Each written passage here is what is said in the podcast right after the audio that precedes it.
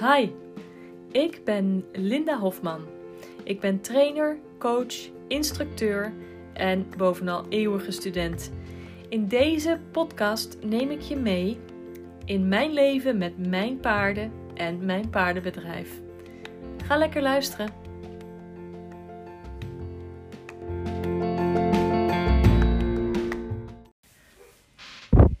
Goedemiddag. Ehm, we hebben het eh, deze week al gehad over de binnenteugel, de buitenteugel, het binnenbeen. En vandaag gaan we het hebben over het buitenbeen. En er is hier in huis en buiten een beetje herrie. Dus je zal op de achtergrond wel het horen. En er is een hond aan het blaffen beneden.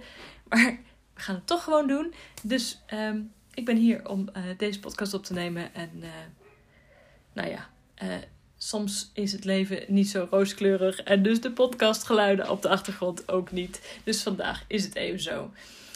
Um, gisteren had ik het over het binnenbeen en hoe je het binnenbeen gebruikt om je paard um, om buiging te vragen. Je hebt al geleerd dat je de binnenteugel gebruikt om stelling te vragen, maar niet om buiging. Dat je de buitenteugel gebruikt om de schouder te sturen en daarmee dus je paard te sturen. En dat je je binnenbeen gebruikt om de laterale buiging, dus de lengtebuiging van kop tot staart, um, te creëren bij je paard. Maar waar gebruik je dan het buitenbeen voor? Dat buitenbeen is ervoor om het buitenachterbeen, um, dus als de buitenkant van de bas um, het paard een laterale buiging naar binnen toe heeft, dan is het been dat aan de buitenkant van de bocht zit, is het buitenbeen. Dus het buitenachterbeen laat je daarmee meer onder de massa zetten door je paard. En wat er dan gebeurt is dat je of je krijgt een travers, travers eh, dus je gaat echt door en je krijgt een travers. Of je begrenst je paard net iets, um, waardoor het niet meer over de schouder valt. Um, en je gebruikt hem natuurlijk ook met aanspringen naar de galop toe. Maar de eerste sprong naar de galop toe is een traversmatige sprong. Omdat hij dan um, dat achterbeen er zo onder moet zetten. Um, ja. Um, nou moet ik even goed nadenken. Want het is natuurlijk een heel technisch verhaal. En hoe leg ik dat dan zo goed mogelijk uit dat jullie het allemaal snappen? Als jij op je paard zit, heb je altijd een bocht. Je hebt een binnenbocht en een buitenbocht. En dus je been aan de buitenkant van de bocht, aan de lange zijde van de bocht, aan de lange zijde van jouw paard. Dat is je buitenbeen. Op het moment dat je bijvoorbeeld een volte maakt en je paard valt over de buitenschouder, dan betekent dat dat het binnenachterbeen niet draagt, maar stuwt. En om dat op te vangen en te zorgen dat je paard eh, niet naar over, niet meer over de buitenschouder verder valt, wat gaan we dan doen? Dan gaan we aan de binnenteugel zitten trekken. Dus dan krijgen we een, een knik in onze uh, uh, laterale buiging, want we zitten veel te veel aan die nek te trekken, waarvoor door je paard nog meer uit balans raakt en nog meer over de buitenschouder gaat vallen. Wat je beter kan doen, is dat als jij een, uh, gewoon op een volte rijdt en je paard valt naar buiten over de schouder weg, over de buitenschouder weg, dan leg je je buitenachterbeen iets eraan. En dan zeg je: hey, til dit been eens op. En wat je paard dan doet, en je kan hem iets erachter leggen. Wat je paard dan doet, is dat hij zijn uh, buitenachterbeen onder de massa zet. Waardoor hij zich even herbalanceert. En als je de volgende stap weer gewoon uh, buiging om het binnenbeen vraagt. Um, stopt hij met vallen over de schouder. Want hij heeft zich kunnen, opnieuw kunnen balanceren. Je kunt ook door die travermatige hulp, hè, dus de, die, dat, dat vragen van de buitenbeen onder de massa zetten is travers. Dat, die heb je nodig bij de travers. Dus um, door die hulp te geven kun je ook um, de volte verkleinen.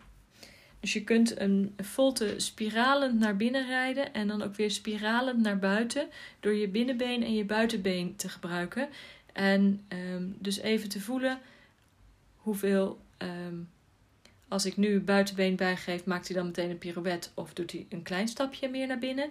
Um, als ik nu binnenbeen erbij zet, um, hebben we meteen, uh, gaan we van een volte van uh, 10 meter naar een volte van 20 meter. Dus probeer dat geleidelijk te balanceren door die beide benen een beetje mee te spelen. Ehm, het buitenbeen is dus niet je meest belangrijke been, maar wel een hulpbeen om ehm, het vallen over de buitenschouder op te vangen en eh, om je uh, toegang te geven tot het buitenachterbeen, dat dan onder de massa gezet wordt. Uh, dus daarmee kun je je paard uh,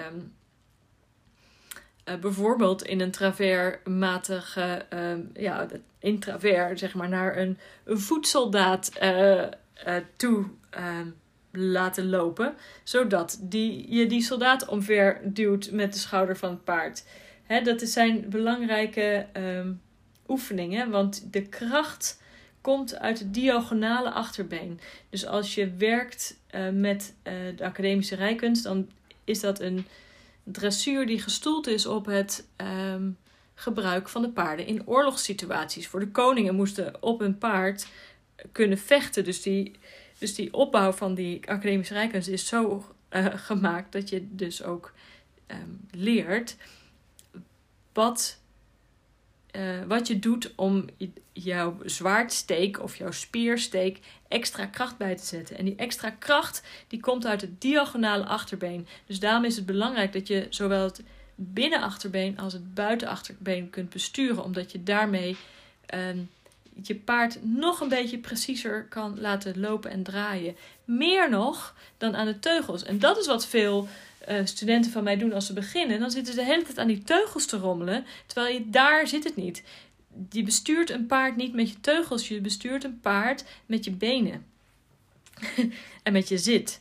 En uh, naarmate je meer lessen krijgt en ik je dit principe steeds verder uitleg en we, ik de, alle hulpen die jij geeft aan je paard helemaal uit elkaar trekt en daarna pas weer opnieuw in elkaar zet voor je, dan ga je merken dat je rijdt vanuit je zit en vanuit je benen. Dus je binnenbeen en je buitenbeen. Dat is het belangrijkste. En dan heb je die buitenteugel wel om nog even bij te sturen. Maar dat is veel, die teugels zijn veel minder interessant dan we in de Engelse dressuur uh, allemaal denken. En dan zitten we helemaal dat paard in die krul te trekken.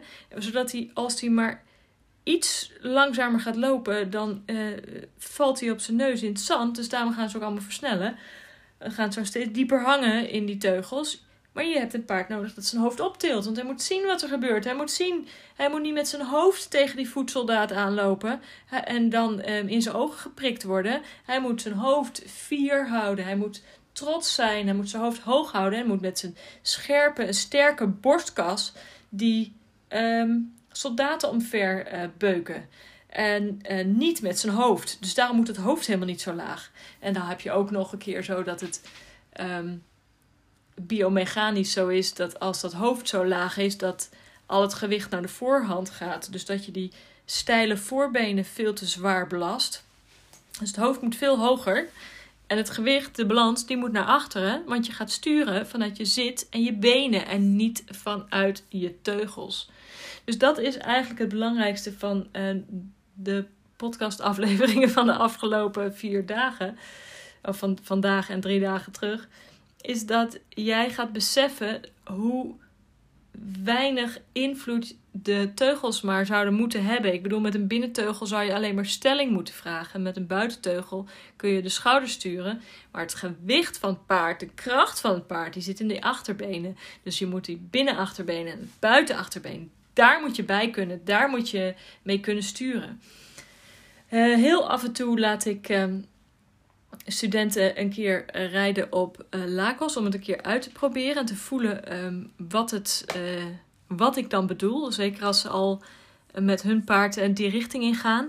Ehm, zodat wat ik zeg niet alleen maar een wolkenbrei aan woorden is. Maar dat ze ook daadwerkelijk gaan voelen op een paard dat die hulp snapt. Wat, hoe dat voelt. En hoe dat er dus dan uitziet. En wat er dan gebeurt. En wat je dan eigenlijk vraagt.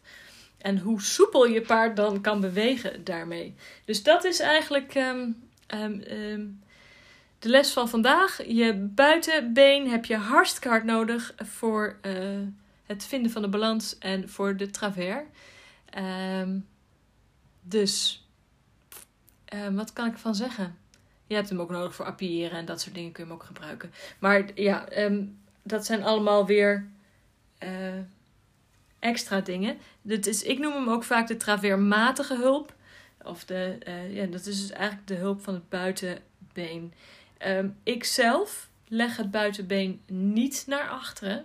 Maar veel Engels geschoolde paarden die hebben geleerd dat als het buitenbeen naar achter wordt gelegd, of dat dat dan betekent um, dat het buitenachterbeen naar onder moet. Ik leg het buitenbeen bijvoorbeeld alleen naar achter voor de aansprong naar de galop.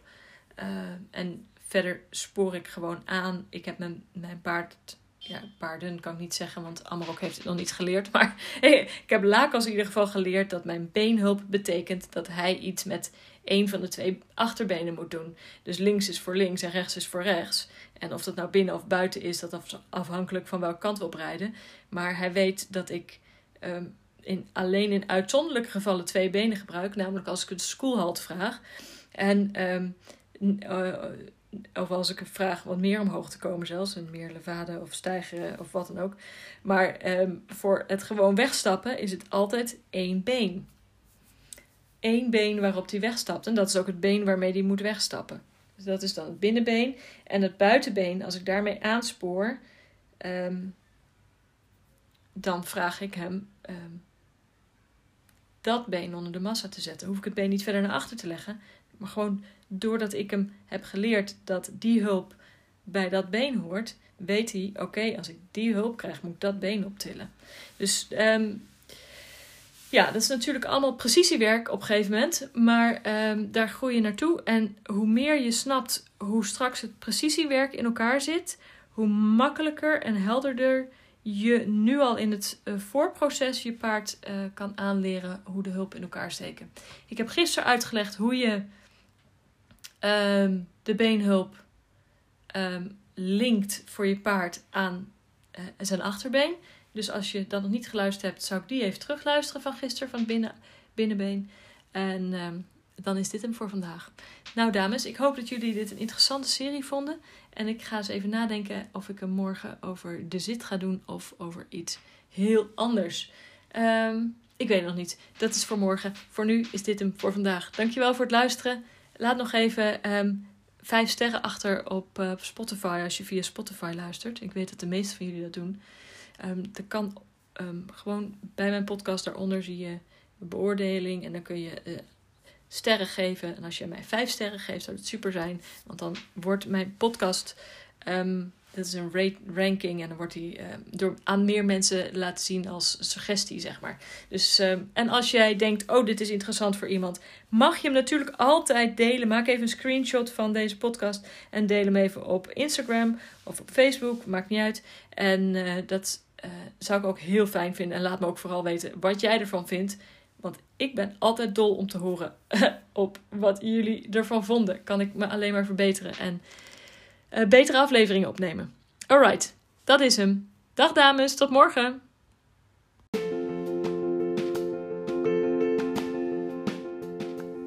Hey, superleuk dat jij deze aflevering helemaal hebt afgeluisterd. Heb jij ook al mijn e-book gedownload? Zo niet, ga dan naar mijn website www.lindahofman.nl en download mijn gratis e-book Angstige ruiters en gespannen paarden. Het is echt een aanrader voor als jij problemen hebt met buitenrijden. Dankjewel, doeg!